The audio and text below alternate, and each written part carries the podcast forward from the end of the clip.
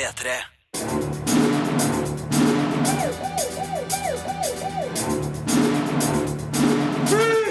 Filmpolitiet! What's your name, dude? Birger Vestmo. Ja, velkommen til to timer med film, spill og serier her på P3. Film, kolon. Fifty Shades of Grey fungerer overraskende godt på kino. Natt på museet, Gravkammerets hemmelighet, reddes av lun humor. Det tyske etterkrigsdramaet Phoenix strekker troverdigheten. Menneskelig kapital er en fiffig konstruert eh, flettverksfilm fra Italia, mens britiske Start Up er et iskaldt og intenst fengselsdrama. Spill, kolon. Evolve er årets første storspill og innfrir akkurat, mens i Total War Attila kan du slippe løs din indre krigsherre. Seria, kolon. Bosch er en god, hardkokt politiserie, og vi har møtt Bob Odenkirk fra Better Call Saul. Han er overraska over den gode mottakelsen som de to første episodene har fått. Jeg vet ikke om du har fått med deg at det er en film som heter Fifty Shades of Grey som har premiere i dag? Ja, du har det. Jeg hadde en anelse om at det her var mer en film for kollega Marte Hedenstad enn meg sjøl, så um, hun har anmeldt det filmen. Filmpolitiet anmelder film. So you're a control freak? I exercise control in all things. It must be really boring.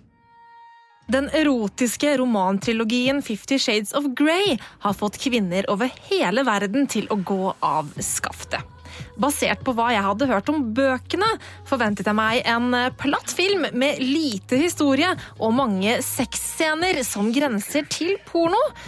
Men jeg ble positivt overraska. So? Dakota Johnson spiller Anastacia Steele, flink pike, litteraturstudent og jomfru. Som lar seg fullstendig trollbinde av den mystiske milliardæren Christian Grey når hun intervjuer ham for skoleavisa. Hun faller pladask for Mr. Grey, og det er ingen tvil om at han er sterkt tiltrukket av henne. Kjemien gnistrer mellom de to. Problemet er bare at Christian ikke er interessert i et romantisk forhold. Han vil kun ha et seksuelt forhold til Anastacia, der han er den dominante parten, hun hans underdanige.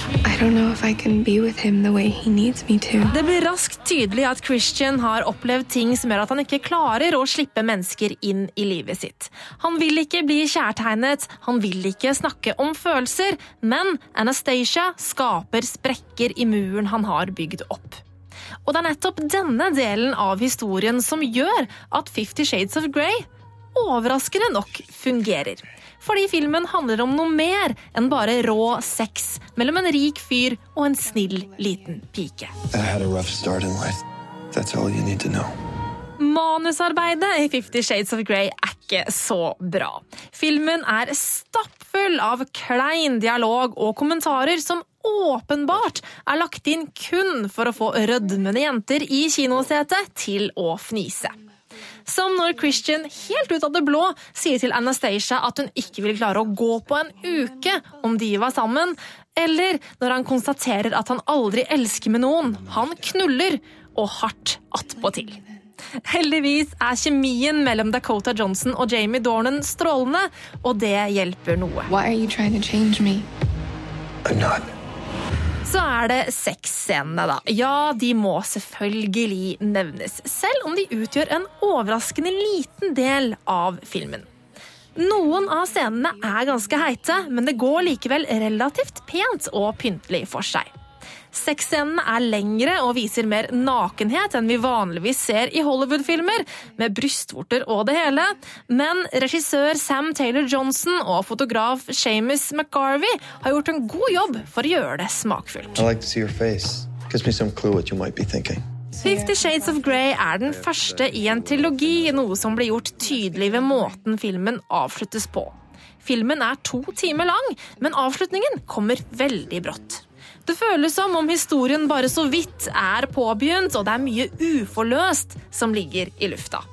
Dette er selvfølgelig gjort for å få oss til å ville ha mer, for å få oss til å bli spente på fortsettelsen. Og kall meg gjerne enkel, men det funka. Say I did stay. What would happen? I know if I'm haunting you, you must be haunting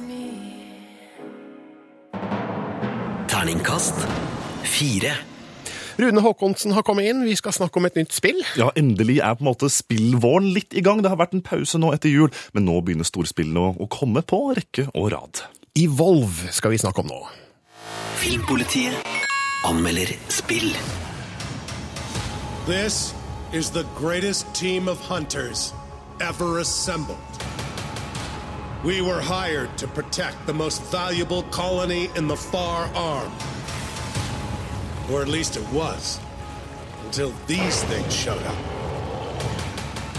They're big and getting bigger, and they just had half the planet for breakfast. Han hørtes tøff ut. Du, minner det her deg litt om Predator med Arnold, eller? Eh, ja, altså um, Kommando tenker jeg i hvert fall på. I eat green berets for breakfast, and now I'm very hungry. Det her er jo rett og slett et spill hvor fire, altså fire på, spiller på ett lag spiller menneskene som jakter mot ett monster som styres av en annen spiller. I Volv så er det rett og slett to ulike lag som spiller mot hverandre. Det er litt uvanlig i spillsammenheng, men selv om det er fire spillere mot én spiller, så er selvfølgelig monsteret kraftig, og det kan utvikle seg til å bli enda kraftigere. Det er i hvert fall utgangspunktet for, for Evolve. Ja, Det er ikke noe historie inni bildet her. Jo, Det er jo en liten historie. vi hørte. Det er en planet, det er noen monstre, det kommer noen jegere for å beskytte det. Men det er ikke viktig, for det legges selv ikke spesielt mye vekt på i Evolve. Det som er viktig, det er kampene, og det er alt sammen bygd opp rundt flerspillergreie. Rett og slett, og Du kan spille på nett mot andre, og dette fungerer egentlig veldig godt. Så det må ta si at når vi kommer til arenabaserte spill, hvor man kan virkelig møte hverandre til dyst, så er Evolve noe av det kuleste akkurat nå. Så du kan gå på nettet og være enten monsteret mot mm. fire soldater, eller du kan være en av soldatene som da skal samarbeide om å ta monsteret. Og det gir jo spillet veldig mye variasjon. Man har forskjellige typer roller når man er menneske. Man kan være angrepssoldat, man kan være medic man kan, for å hjelpe de andre soldatene osv. Så, videre. så det, variasjonen i spillestilen i Evolve den er veldig stor, og du kan gjøre dine egne valg for å tilpasse din figur. Alt dette fungerer godt, men det er noen ting som også ikke funker så godt i Evolve, dessverre. Det som jeg syns er rart, er å se litt på, på hvordan utseendet på figurene er. For de er litt sånn tegneserieaktige. Litt inspirert kanskje av Team Fortress-spillene. Eh, Det er tanken at det skal være en god del humor og en litt sånn lettsindig eh, actionstemning. Apropos Predator over det hele, hvor Ja. eh, Arnold jakter på et romvesen. Ja. Men, men, men, men det bryter litt med den mørke stilen som resten av, av spillet har. Så jeg, jeg blir litt sånn overraska og, og usikker på hva er det de egentlig tenker her. Så visuelt så har det noe å gå på. I tillegg så er kontrollsystemet for monstre litt uh, upresist, syns jeg. Og det aller viktigste, min store motvekt til det ellers så artige flerspillerkampene i Evolve, det er at tempoet er litt rart. Jaha, Lavt, eller? Ja, nei, men det betyr det at eh, du, hvis du er menneske og dør, så må du vente flere minutter for å komme inn i kampen igjen, og så blir du stående og vente litt sånn, ja. Ja, men Hva skal jeg gjøre nå, liksom? skal jeg liksom? gjøre nå, vente? Skal jeg gå på do? Spillet starter også hver eneste kamp med at du må øh, jakte på monstre, naturlig nok. Monstre må flykte for å bygge opp styrke for å bli kraftig nok til å overvinne menneskelaget. Det betyr at det er mye sånn katt og mus-lek, så de første minuttene består egentlig kun av å løpe gjennom skogen. Det er en litt rar øh, opplevelse når du egentlig er på jakt etter en actionfylt og intens opplevelse. Så det er noen små ting her som ikke fungerer så bra, men øh, storspillet Evolve det innfrir akkurat. Er det gøyest å være monster eller soldat? Jeg må innrømme at jeg liker best å være monster. Terningkast fire. P3. Filmpolitiet anmelder film. Now, you and I both know there's something magical in the museum. The sun goes down, tablet starts to glow, everything comes to life. There's something wrong with the tablet. We shall all be dead by sunrise. Huns don't hyperventilate. Natt på museet, Gravkammerets hemmelighet, er den tredje filmen i serien som starta i 2006. Jeg har verken sett eneren eller toeren, men det er ikke nødvendig. Det her er ukompliserte filmer med banale historier og enkel humor mynta på barn. Filmen har et noe billig og lettvint preg over seg, men lun humor med skuespillere som Ben Stiller, Robin Williams, Owen Wilson, Rebel Wilson og Steve Coogan holder godt nok nivå til at kvaliteten likevel blir grei. I need you to listen to me. Okay? Yeah. The tablet is actually magic. The sun goes down, the tablet starts to glow, everything comes to life. It's real. Tablet starts to glow. Now I know you're mental. Nattevakten Larry, spilt av Ben Stiller, må ta affære når den egyptiske gjenstanden som gir New York-museets figurer liv om natta, begynner å ruste. Det her skaper nemlig store problemer for bevegeligheten til hans venner på nattskiftet. Løsninga blir å ta med seg gjenstanden til British Museum i London, der en egyptisk farao kanskje kan hjelpe. Hello, welcome to the British Museum. My name's Tilly. Hi, thank you. Uh, I'm Larry Daly from uh, Natural History New York. They let you travel. Well, this is kind of unusual. You- well, they let me travel. You know where? No. Home.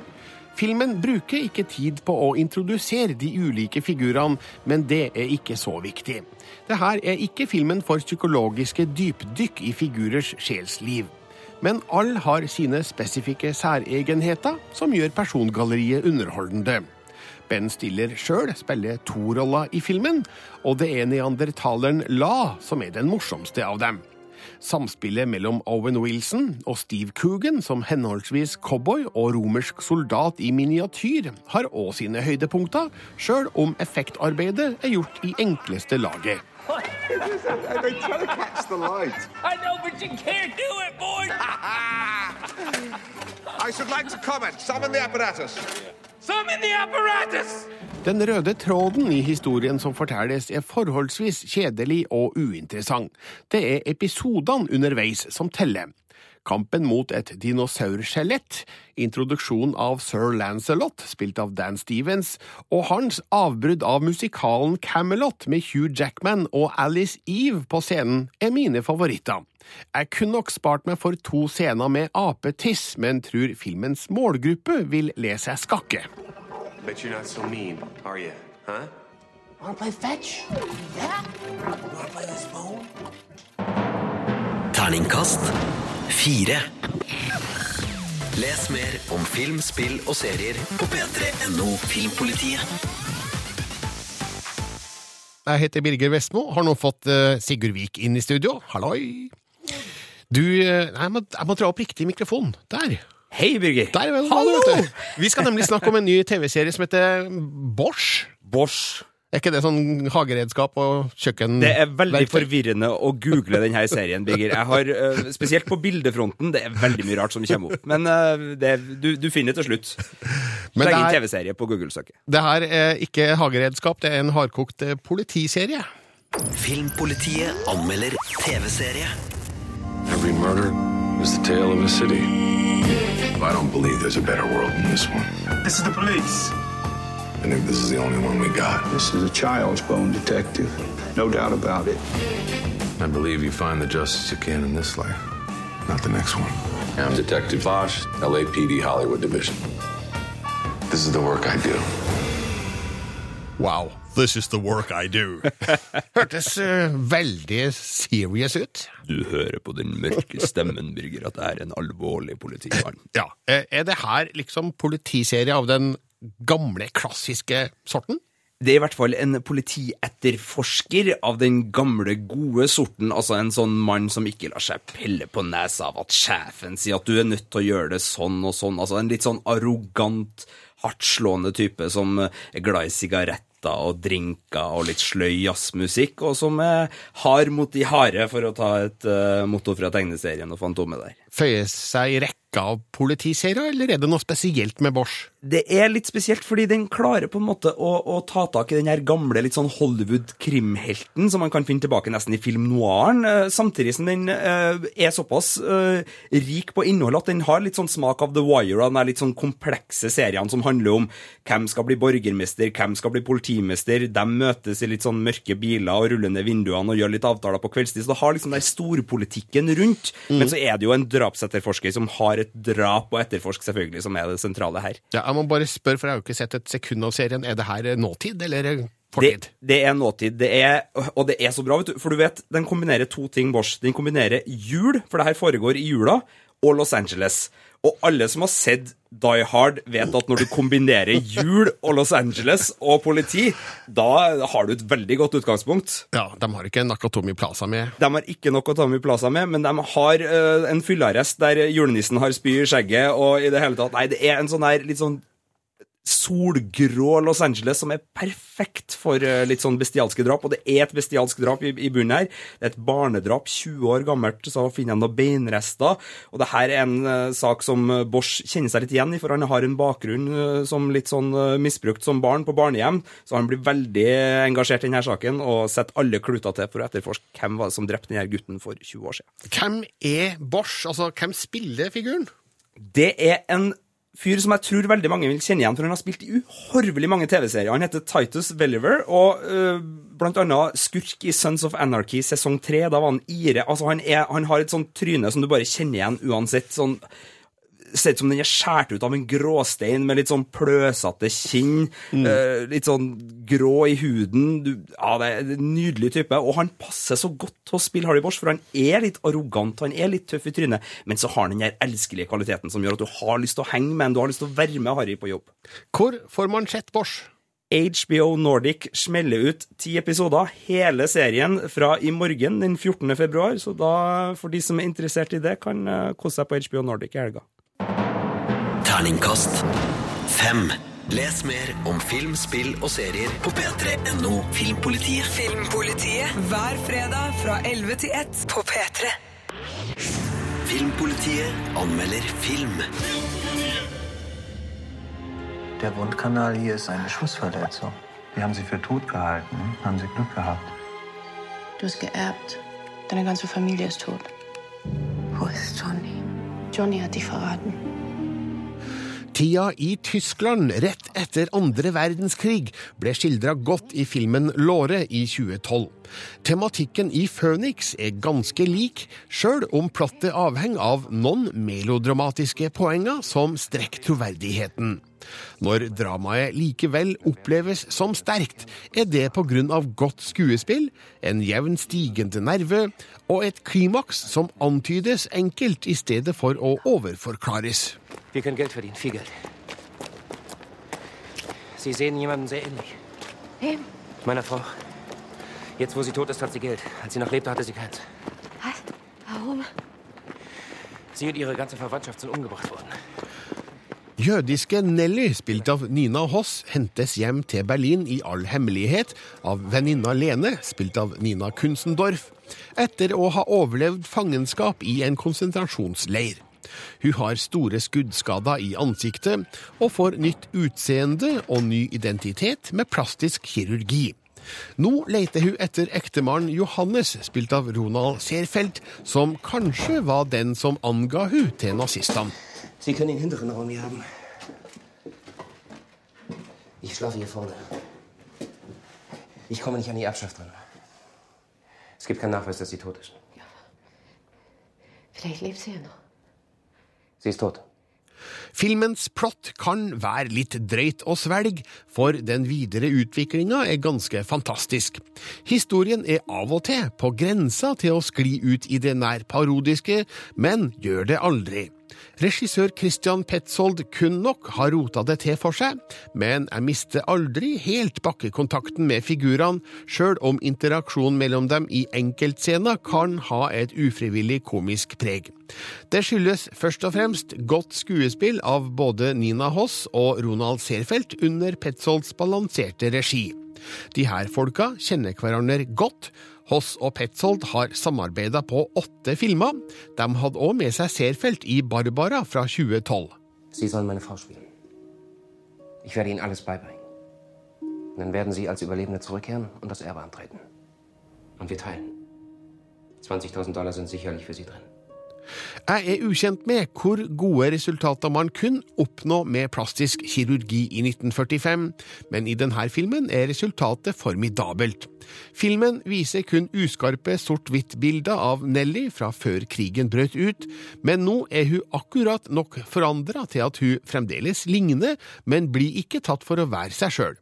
Vi er i en tid med relativt få bilder i omløp, og der mange års separasjon kan spille hukommelsen et puss. Historien viser òg at folk av og til tror på det de ønsker skal være sant. Ihnen må selvfølgelig klar sein, dass Sie hier die nächsten Wochen nicht. Niemand darf Sie jetzt mehr sehen. Um Essen werde ich mich kümmern. Da steht noch ein Bier, ein amerikanisches Bier. Johnny. Bitte nennen Sie mich nicht so. Wir soll ich dich denn nennen? Johannes. Phoenix er pent fotografert. Produksjonens begrensninger vises i byscena fra Berlin, der den samme ruinen og gatestubben brukes gjentatte ganger fra ulike vinkler. Men tidskoloritten er overbevisende, og følelsen av et ødelagt land prega av resignasjon og nervøst kaos er påtagelig. Historien som fortelles i Phoenix er kanskje ikke den mest realistiske, men atmosfæren den foregår i er troverdig nok. Sie sind hier gewesen an dem Tag, als Nelly verhaftet wurde. Wer sagt das? Das ist dann meine Wiederkehr. Und dann will er gleich an den Geld. Lene, ich weiß, dass er sie liebt.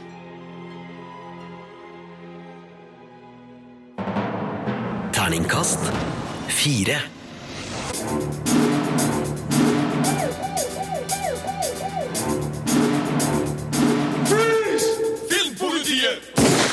dans Da har jeg fått Sigurd Vik og Rune Haakonsen inn i studio. Vi skal prate om litt av hvert her nå. Vi, jeg syns vi skal starte med Star Wars her, Rune. Fordi du kom i dag og fortalte Sigurd og meg noen ville crazy ting om Star Wars. For ryktene som vi nå skal omtale, jeg må da òg advare deg som hører på, at dette blir mulige spoilere. Har du lyst til å ikke vite noe om Star Wars, ta og skru ned lyden litt akkurat nå. Ja.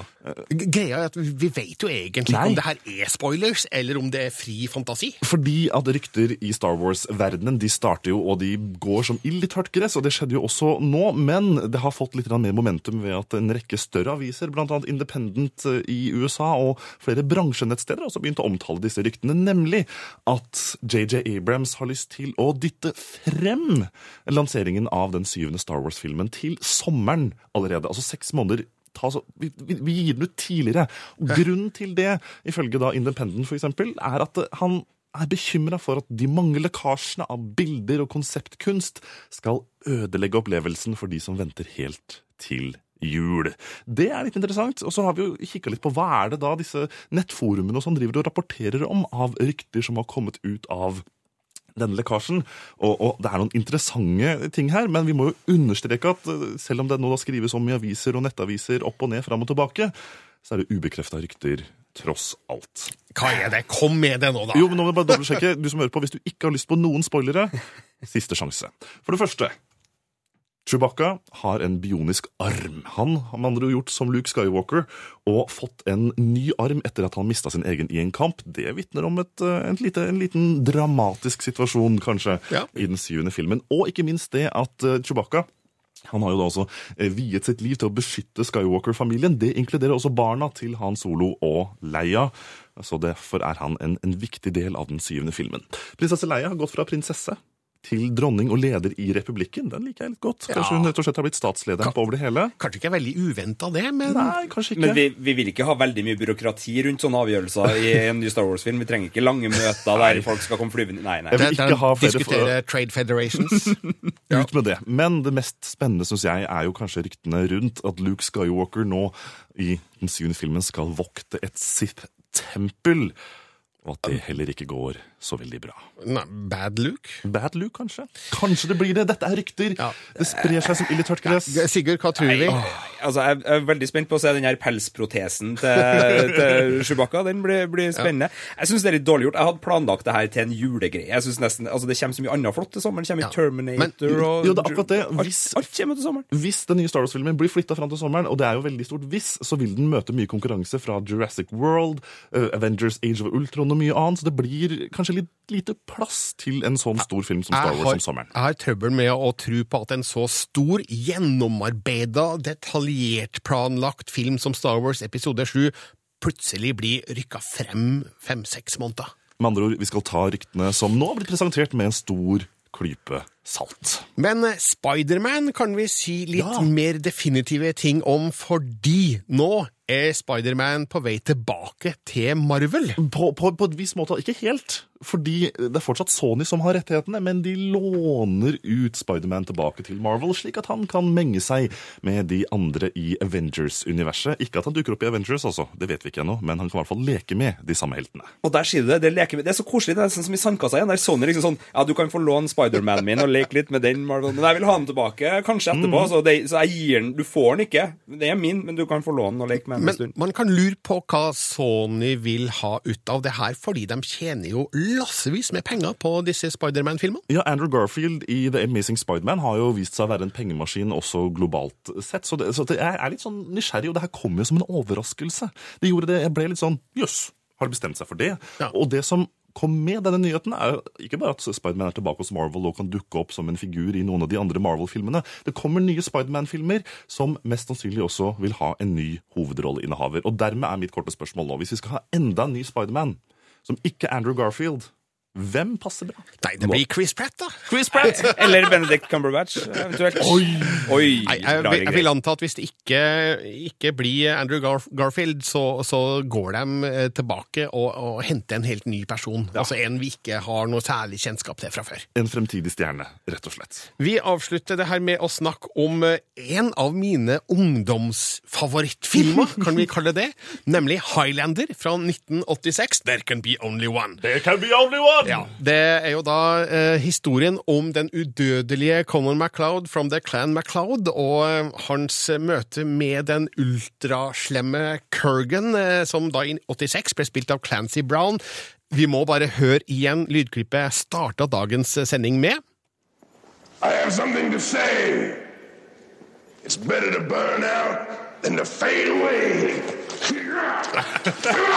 Clancy Brown er så badass i Highlander at det er nesten ikke til å tro. Men nå skal Highlander, som alle andre filmer fra 80-tallet, rebootes.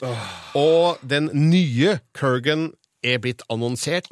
Det er Dave Bautista. Dave Bautista?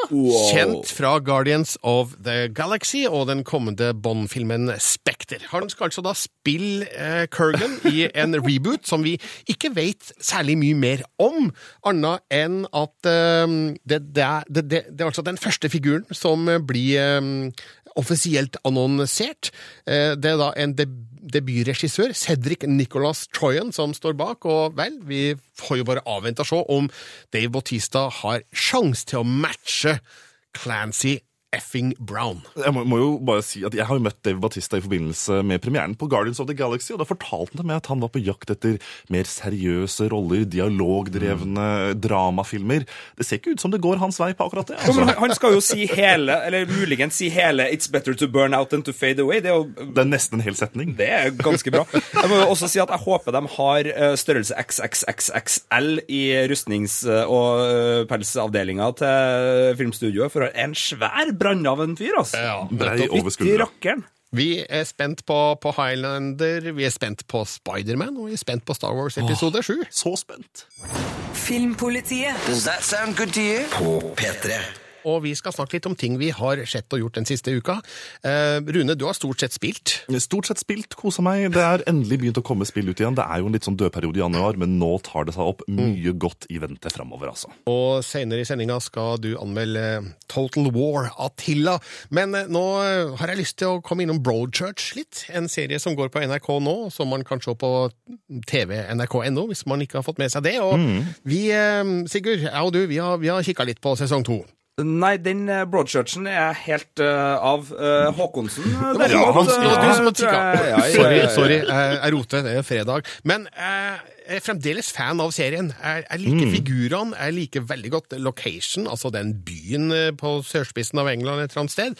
Um, jeg har vel da følelsen av at eh, sesong to av Broadchurch har det litt mer travelt enn sesong én. Jo, og Samtidig så syns jeg at den nesten er parodisk britisk. da, I at den er veldig møysommelig i det den gjør når den skal fortelle sin historie på med både detaljer, som du sier, i denne byen på, på kysten av England. Det er godt å se, men ja, den har Den går litt fortere. Ja, det er mange flere figurer, flere historietråder som skal eh, få plass i løpet av hver episode, slik at det blir mindre tid til hver enkelt, og jeg syns at det går vel fort i svingene av og til. Men fremdeles en, en interessant serie som jeg skal selvfølgelig følge med på. Ja, Det blir spennende også. Det kan jeg love deg. Mm. Skal være litt sånn eh, spoiler uten å vite hva jeg spoiler nå, men jeg forsto det sånn at det var et uh, drap som var hovedgreia for sesong én. Ja. Så syns jeg sånn om at det også er med i sesong to. Ja, det, det, det, pågår en, en rettssak der det kommer nye momenter inn i bildet, samtidig som vi ser en gammel forsvinningssak gjøre seg gjeldende da i sesong to. Så absolutt verdt å følge med på, men jeg skulle ønske de hadde litt bedre tid til å fortelle hver enkelt historiedel. Vi eh, må over på Fargo, for den har du sett, eh, Sigurd? Den har jeg sett. Den er jo litt eh, gammel nå. Det var jo en av fjorårets store seriesnakkisene her. Fargo-serien, som egentlig var en film av Cohen-brødrene som kom på 90-tallet, og som var knallbra. Ja. Og så bare kom det beskjed om at nei, det skal bli en TV-serie, og Cohen-brødrene satt i produsentstolen, og det starta. Jeg så to episoder som var ganske lik filmen, som handler om en uh, ektemann som er litt uheldig med sin uh, bedre halvdel. Uh, begår et lite drap der, og, og sliter litt med, med, konsekvensene. Og tenkte sånn Ja, det her var jo litt likt filmen, så så jeg la den bare bort. Og så begynte jeg igjen denne uka her. Bare plukka den fram, for de ligger på TV2 Sumo ennå. Plukka den fram til frossenpizzaen og tenkte sånn Ja, ja, se episode tre. Ja og ble så utrolig hekta, vet du. Ja. For da går serien i en helt annen retning enn filmen, og det er så mye mer, og det er så flott, og Billy Bob Thornton er så bad ass bra i den serien. Det er helt nydelig å se på han. Han er jo en av de trasigste rasshølene jeg har sett på serie. Likevel så sitter jeg der og heier på han og, og, og syns det er helt nydelig å ha han på skjermen foran meg. Så skikkelig koseserie, Fargo. Altså. Jeg har ikke sett eh, Fargo-serien. Jeg skal selvfølgelig ta den frem. Det, det, det, som er så deilig med streaming, er at du kan bare gå tilbake og hente frem gamle ting og se om igjen. Og, eh, jeg driver jo nå med sesong to av Homeland. Eh, det er gammelt, det. Eh, sånn at det, det er det er ingen, retro, det er ingen, ingen, skam i å komme seg litt tilbake i, i, i TV-tida. Men en serie som er helt splitter ny og fersk, er jo da denne ukas Better Call Saul. Og apropos en serie som kanskje befinner seg i starten, i andre enden av skalaen for Broadchurch, hvor det går veldig fort. Jeg må si at Better Call Saul i starten gikk litt sakte for meg, altså. Ja, Vi har sett den første episoden, Rune. Yes, yes. Du, Sigurd, har sett de to første. Ja. Og jeg kan vel være enig med deg, Rune, at uh, de har det ikke travelt med å sette i gang storyen i episode én av Better Call Saul. Det er vel mer introduksjon av Saul eh, som han er nå, etter Breaking Bad, før mm. de så spoler tilbake til seks år før Breaking Bad. For serien handler jo da om alt som skjedde før egentlig Breaking Bad sparka i gang, så vi får se form, de formgivende årene til Saul Goodman, rett og slett. Eh, Sigurd, du har anmeldt serien. Jeg har anmeldt serien, og jeg synes jo, jeg er enig med at det gikk litt trekk, men det, det, skjedde jo så mye på slutten av Breaking Bad at det var jo godt å få litt sånn trekkpusten. ja, og som han sa til deg tidligere i dag, Rune, eh, som, som, så vidt jeg husker, så starta vel heller ikke Breaking Bad så veldig eh, kjapt? Den, den var litt slow, den òg. Det tok litt tid. Det var jo litt sånn uh, mettkokking ute i ørkenen der i en uh, sånn campingbil og, og litt sånt, men, men, men jeg syns uh, i episode to så tar tempoet seg litt opp, men det er fremdeles en ganske slow og seig historie. Og så er det ganske mange tråder som vi regner med kommer til å flette sammen etter hvert. For det er jo nettopp det, mm. den der sammensatte spenningsplottene som Breaking Bad var så god på, de ser det ut til at uh, Better Call Solo tar med seg sånn at uh, tilsynelatende uh, hendelser som ikke har noe med hverandre å gjøre, kommer senere til å bare så, så spinnes det sammen. sammen. Og, ja, ja. Du ga terningkast eh, fem, Sigurd, og så lurer vi på da, du som der ute i Norge har sett Better Call Saul, de to første episodene er på Netflix, dere må også gå inn på p3.no skråstrek filmpolitiet, bruk kommentarfeltet og si din mening. Filmpolitiet på P3. Ja, Bob Oldenkirk spiller da altså hovedrollen i den nye serien Better Call Saul, om den slu advokaten kjent fra TV-suksessen Breaking Bad. Han sier det er én ting han alltid blir spurt om i intervjua, og hva det var, avslørte han overfor NRKs korrespondent i London, Espen Aas, i går. Chuck, I'm going under, okay? For the third time with these bullcrap contract counsel... Bullcrap? Bullcrap Livet er mest en dans på torner for advokaten som etter hvert skal bli til Saul Goodman. Men seks år før han dukker opp i Breaking Bad, var han Jimmy McGill, en offentlig oppnevnt forsvarer i småsaker, og det ble verken særlig mye penger eller renommé av det. Det er den fyren Better Call Saul handler om.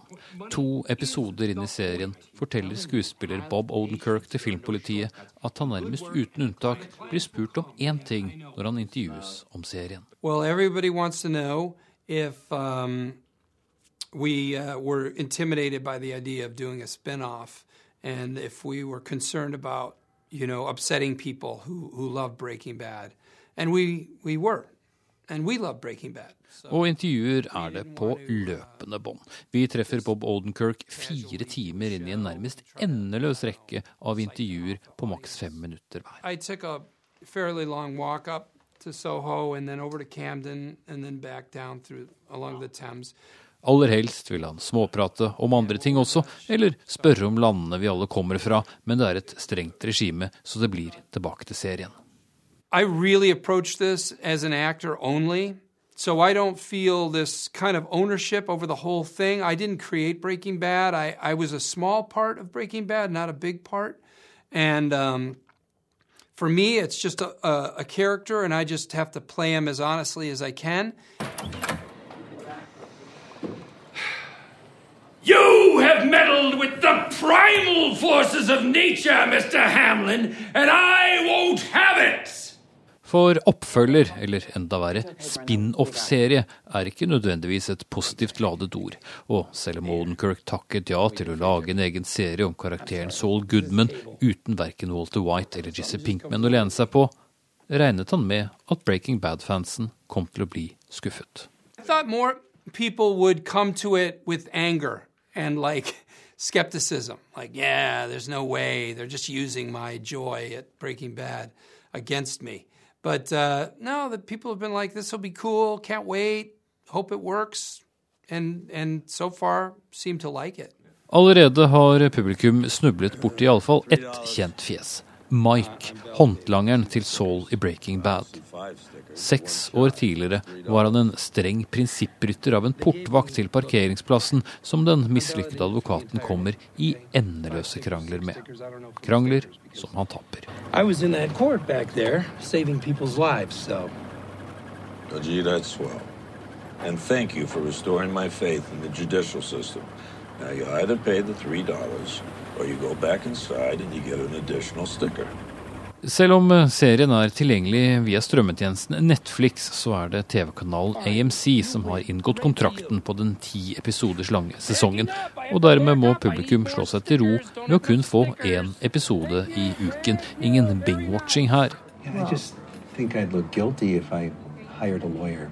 No, actually, it's getting arrested that makes people look guilty, even the innocent ones. And innocent people get arrested every day. Om begeistringen holder seg hos publikum, gjenstår naturlig nok å se. Men de ser den i alle fall i samme tempo som hovedpersonen selv. In fact, I haven't seen it. You've seen, I've seen what you've seen. I've only seen two episodes, and I'll be watching it just like the audience each week. Employee of the month over here! Yeah! Hooray! Give him a medal! Bob Odenkirk ble intervjua av Espen Aas i London. Nå kan du se han i Better Call Saul på Netflix. De to første episodene ligger ut nå. Det kommer nye episoder de åtte neste tirsdagene. Filmpolitiet anmelder film. Twice the wall. Then you get Starred Up er et iskaldt og intenst fengselsdrama fra regissør David McKenzie. Denne britiske filmens høye kvalitet skyldes òg hovedrolleinnehaver Jack O'Connell, som i løpet av nøyaktig ett år har imponert meg med hovedrolla i 71, Unbroken og nå Start Up. Sistnevnte hadde riktignok sine første internasjonale festivalvisninger allerede høsten 2013, men kommer først nå på Blu-ray, DVD og strømming i Norge. Og her viser O'Connell sitt enorme potensial i en skikkelig tøff og utfordrende rolle. You leave it to his fucking dad. Fuck you, you little motherfucker! Like that, Ryan, that was. Take it easy, man. That was wrong. Take it easy. Hey, hey, take it easy, man. Chill. Chill, yeah? Doing the right thing. 19 år gamle Eric Love, spilt av Jack O'Connell, går fra et ungdomsfengsel til et voksenfengsel. En slik overføring kalles start up i miljøet. Han har rykka opp en divisjon. Der viser han seg straks som en voldelig tornado, både i møte med voktere og medfanger. Men han møter òg langtidsdømte Neville Love, spilt av Ben Mendelssohn, hans egen far, som Eric ikke har sett siden han var fem. You have to help him, you know. Uh, your son and I are on a journey together, and we will. No, he needs to behave. Okay, he suffered enormous emotional trauma and abuse. Oh, I never touched him. You weren't there. I didn't- oh, Okay, that's enough, all right? Fengselsfilm er en sliten sjanger, men den kan fremdeles gi oss interessante historier. Start Up inneholder velkjente elementer som dusjangrep, voldelige voktere, oppgjør med medfanger og fengselshierarkiet der én fange sitter på toppen. Det her er sett før, men Start Up imponerer med gnistrende skuespill i en fortetta atmosfære. Figurene er kanskje av den forventa sorten, men miljøskildringa er intens og troverdig. Like to walk to group No, I'm in a shithole. Will I feel at home here? So this is where you open up to me and build trust, is it? Yeah. Start Up bygger opp spenninga mot et uunngåelig oppgjør, der korrupte voktere og livsfarlige fanger er sentrale aktører. Det er òg interessant å se hvordan det fastlåste forholdet mellom far og sønn Love gradvis utvikler seg, uten at regissør McKenzie tyr til noen enkle løsninger. Start Up er en vinnerfilm innen sin sjanger, som du må utforske på Blu-ray, DVD eller strømming, og gjør at forventningene til Jack O'Connells videre prestasjoner blir ekstremt høye. Fuck all. Pussy. Stay with it. Stay with it, that's it. Feel like I can. Good. Good. Yes, good. I feel like a cunt every day. Straight. Yeah, it's all. He's smiling, look at him, he's smiling, he's smiling. He knows he don't Go on. Anger management.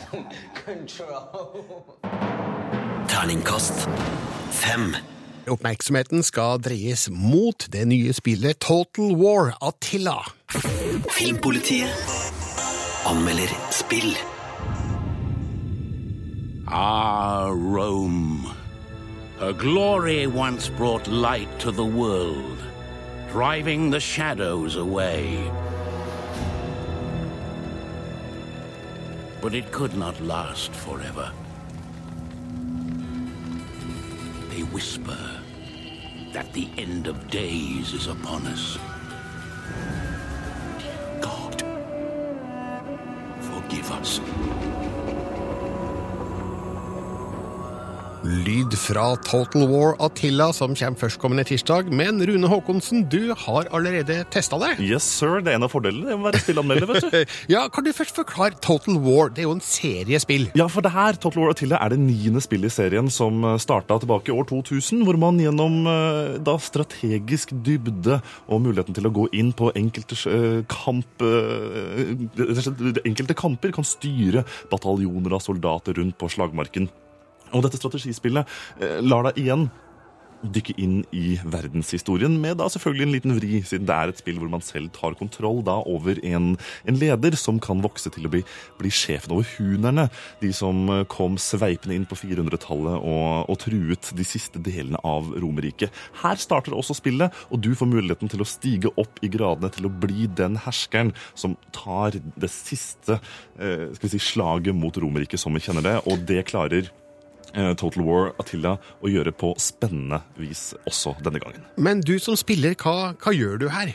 For det første så, så er det litt sånn at du på rundebasert styrer eh, nesten i en slags gudemodus. Du ser ned på verden rundt deg. Du kan styre soldater og byer og, og oppgradere dine eh, ulike kolonier rundt omkring for å styrke din posisjon på, på, på verdenskartet. Men når det er kampene det kommer til, så blir det ekstra spennende. For da går du inn i sanntid. Du kan fly over store slagmarker og styre dine soldater i jakten på å overvinne ikke bare fienden, men å overta byer og ødelegge det som ligger i din vei. Total War-serien har altså pågått i 15 år. og Det betyr jo at de har brukt mye tid på å perfeksjonere denne mekanikken. Og det er altså så spennende. Det er vanskelig. Det går dypt inn i, i, i taktikken her for å kunne overvinne. Og det er gode datastyrte motstandere. Alt dette gjør at Total War Attila er en nok jeg må si, nok et godt uh, innslag i Total War-serien, som rett og slett må anbefales når det kommer ut tirsdag i neste uke. Terningkast fem. Filmpolitiet anmelder film. Ma che roba! Ma quanti ettari saranno sta tenuta? Menneskelig kapital er en italiensk fettverksfilm der flere figurers opplevelser av de samme hendelsene danner et større bilde av løgn, bedrag og kynisme. Historien er en fiffig konstruksjon i fire kapitler, der sammenhenger og avgjørende elementer hintes først og forklares seinere. Filmen oppnår ikke det emosjonelle utbyttet som kanskje var meninga, men er et nysgjerriggjørende blikk på figurenes relasjoner på tvers av klasseskiller. Cos'è? Tieni già banco la puerta, raccogliere. No, sua moglie dice che tutta questa competizione non fa bene ai ragazzi. Non mi sembra proprio. Guarda il massimo come è in forma. Bello tonico, pronto a castigare gli avversari. Kapittel én handler om Dino, spilt av Fabrizio Bentivoglio, en eiendomsmegler som øyner økonomisk gevinst i dattera Serenas potensielle svigerfar, den søkkrike forretningsmannen Giovanni, spilt av Fabrizio Gifuni. Kapittel to handler om Giovannis kone, Carla, spilt av Valeria Bruni Tedeschi, som drømmer om å restaurere et teater sammen med dramalæreren Donato, spilt av Luigi Lucaschio. I kapittel tre ser vi Serena, spilt av Mathilde Gioli, som sliter med romantikken. En ulykke setter sitt preg på alle kapitlene, som får trådene sydd sammen i nummer fire. Ci deve essere stato un, un problemino di comunicazione, capito? Non ho capito, scusa, cosa significa? Non è colpa mia, eh. Eh, Io non mi posso proprio permettere. Det er interessant å se hvordan Dino åpenbart igler seg inn på Giovanni med eurotegn i blikket, og like åpenbart hvor lite respekt han egentlig får i retur. Det er òg lett å gjennomskue det kalde forholdet mellom kyniske Giovanni og drømmende Carla, som gjerne vil returnere til det kreative livet hun en gang hadde. Historien er lagt til tida før, under og etter finanskrisa, som òg ramma Italia, og sier noe om hvordan profittjag påvirker oss. Mm, non vedo l'ora di farti vedere una cosa, ma una sorpresa, eh? Allora, fai finta di non saperla. Ma quello è tuo papà? Sì, ma sta andando via. Fa piacere incontrarlo. Regissør Paolo Virzi turnerer figurene og sekvensene godt. Han legger ut spor underveis som han forstår vil ha betydning seinere. Andre sammenhenger kommer som overraskelser, og gjør at filmen har en spennende utvikling i siste del. Men det her er ikke en thriller, det er mer et samtidsdrama med thrillerelementer. Den er dyktig spilt, fotografert, klippa og lydlagt, men som Italias Oscar-kandidat bleikner den mot fjorårets Den store skjønnheten. Menneskelig kapital ble da heller ikke nominert, men er likevel absolutt severdig. Cazzo ci fai qua? Non avevi quella roba a scuola tua? Sì, infatti è solo un veloce. Ho incontrato lo zio. Terningkast fire. Les mer om film, spill og serier på p3.no Filmpolitiet. Filmpolitiet hver fredag fra 11 til 1 på P3. Ja, det var alt vi hadde på plakaten i dag. Sjekk ut p3.no Filmpolitiet. Ha en riktig god fredag og helg! Hør flere podkaster på nrk.no podkast.